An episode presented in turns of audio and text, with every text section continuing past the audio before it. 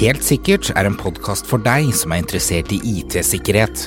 Her tar vi opp aktuelle nyheter, diskuterer dagens sikkerhetsutfordringer og deler gode råd for hva du bør tenke på rundt sikkerhet.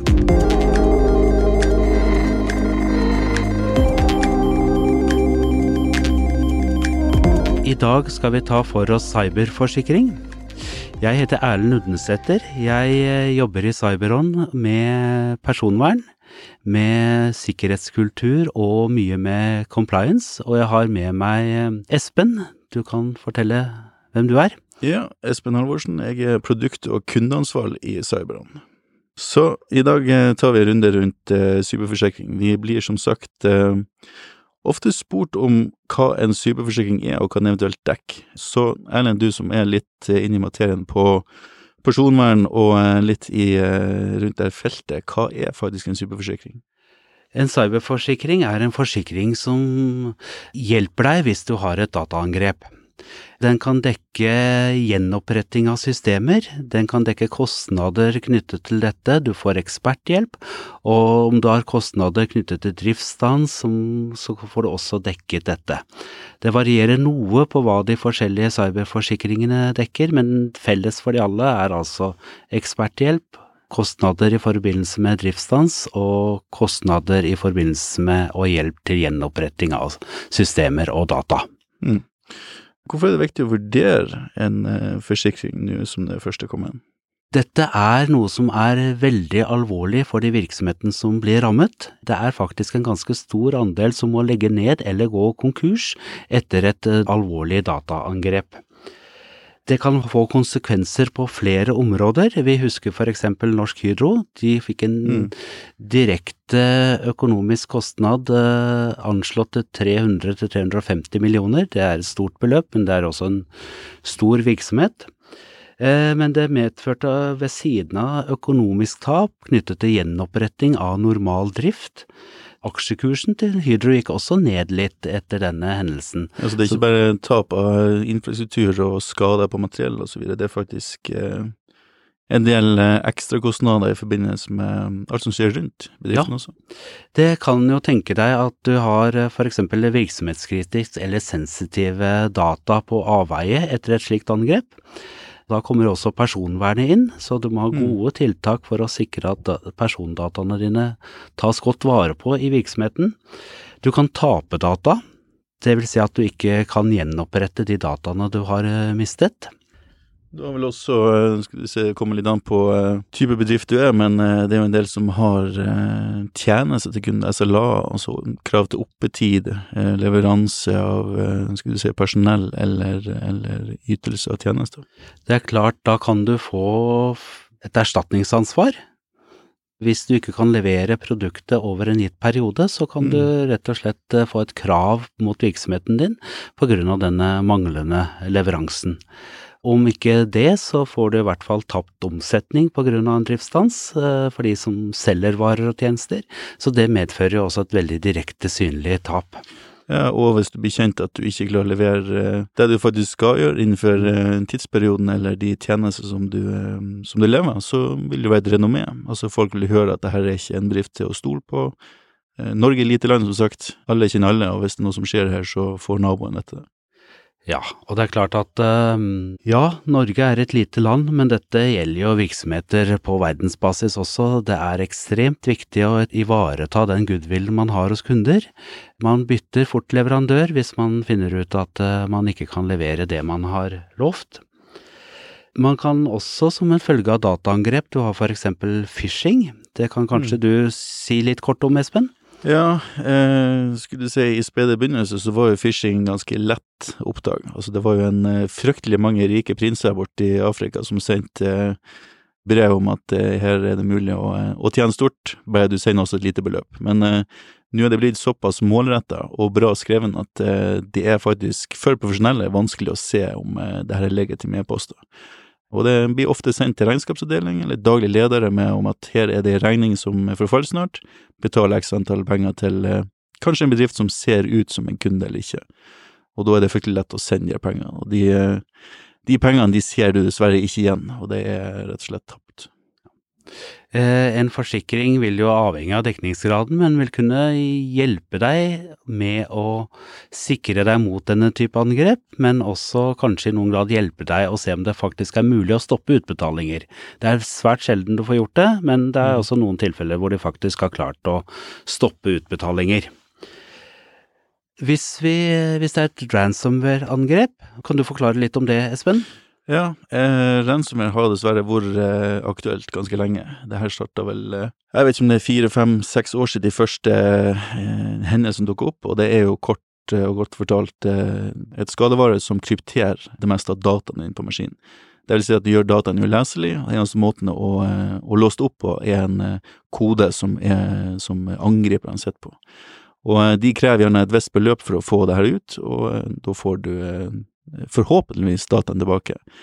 Men Ja. eh, selv om du har valgt å betale deg ut og fått låst opp dataen, så er du fortsatt ikke sikker på om skulle si, angriperen fortsetter inne i systemet, om det er filer som fortsatt er infisert, om det kommer tilbake eller ikke, og eh, det er ikke bestandig like medgjørlig på å gi den, eh, den nøkkelen tilbake heller, sånn sett. Så vi anbefaler generelt ikke å betale løsepenger, men vi kan forstå at det i enkelte situasjoner kanskje er siste utvei, den eneste muligheten man har.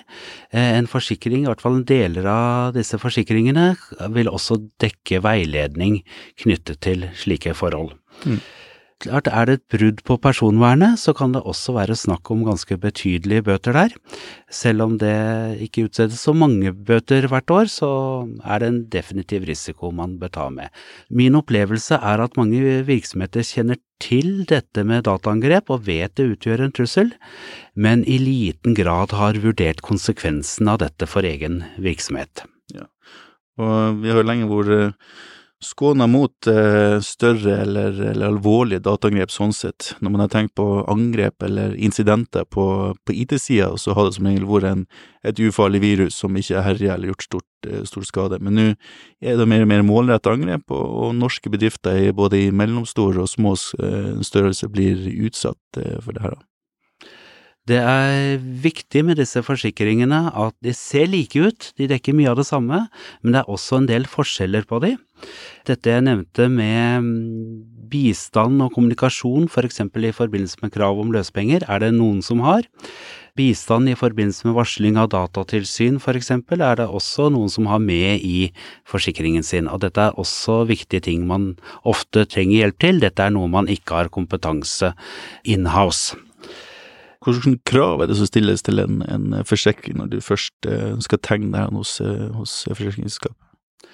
Vi har vært i dialog med noen forsikringsselskaper nå, for å spørre de om disse tingene, og det er eh, ganske stor forskjell.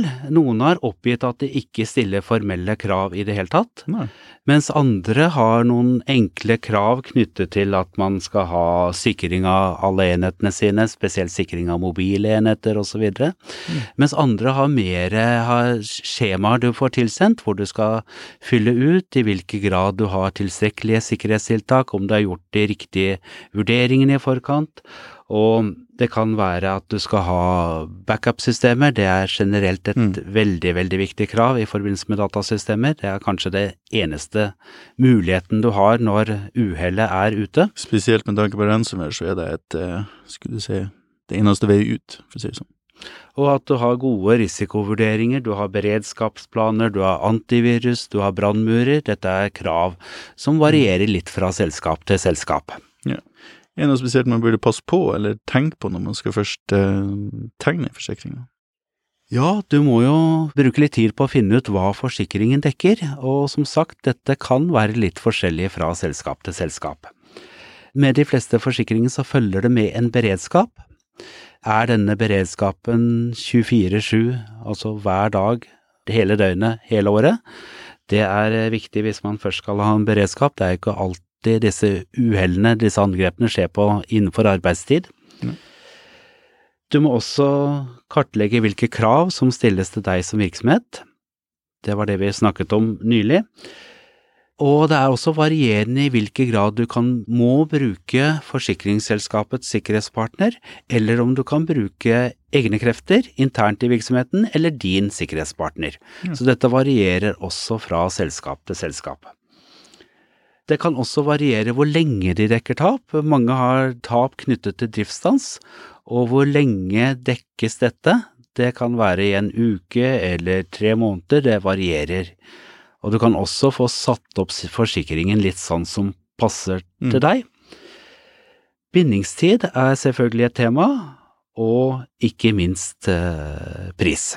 Ja, for hva koster egentlig en sånn eh, type forsikring? Det kommer mye an på hva slags type virksomhet du driver, Ja. og omsetning er også et kriterium, og hvilken dekningsgrad du skal ha. Så vi ser priser fra kanskje et par-tre tusen i året til flere titalls tusener dersom du skal ha en virkelig god dekning. Er det noen type typer forsikring som dekker dataangrep spesifikt? Det er mange som har en driftsstansforsikring, men det som er verdt å merke seg er at driftsstansforsikring normalt ikke dekker dataangrep. Så du bør eh, gå gjennom egne forsikringer for å være sikker på at eh, de dekker det du tror, og etter all sannsynlighet så vil ikke dataangrep nødvendigvis være blant det som dekkes.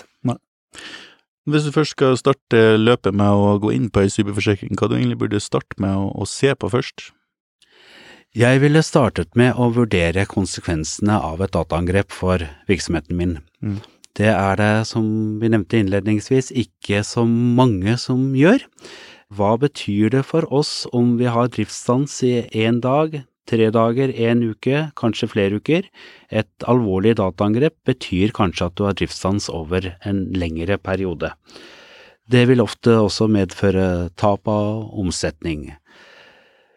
Det er viktig å iverksette nødvendige sikkerhetstiltak. Vi har nevnt backup som et veldig viktig element her, men også ha på plass brannmurer, kanskje ha på plass en sikkerhetsovervåkning, sånn slik at man ser om det er noe galt som er i ferd med å skje. Det kan kanskje du si kort om hva det innebærer, Espen? Ja, eh, altså det å ha en eh, form for overvåking på sikkerhet det kan omfatte masse, men eh, det det i bunn og grunn går ned til, det er å se på eh, trafikk eller aktivitet i bedriften. Altså, er det noen som holder på når det ikke burde gjøre? Er det noen suspekte aktører som er inne og gjør endringer på systemet?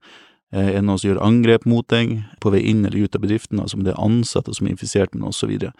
Og det er jo ulike løsninger som har det her, men det er som regel en, en dedikert sikkerhetspartner som, eh, som kan eh, tilby å overvåke de her type løsninger. Mm. Om du ikke har denne type verktøy og kompetanse internt i virksomheten, så anbefaler vi å tilknytte seg en sikkerhetspartner. Absolutt, og det er typisk eh, Du må nok opp i enterprise-selskap, altså litt større, ganske store selskap, for å ha egen avdeling eller sikkerhetsavdeling som kan gjøre denne jobben eh, for hele bedriften eller virksomheten.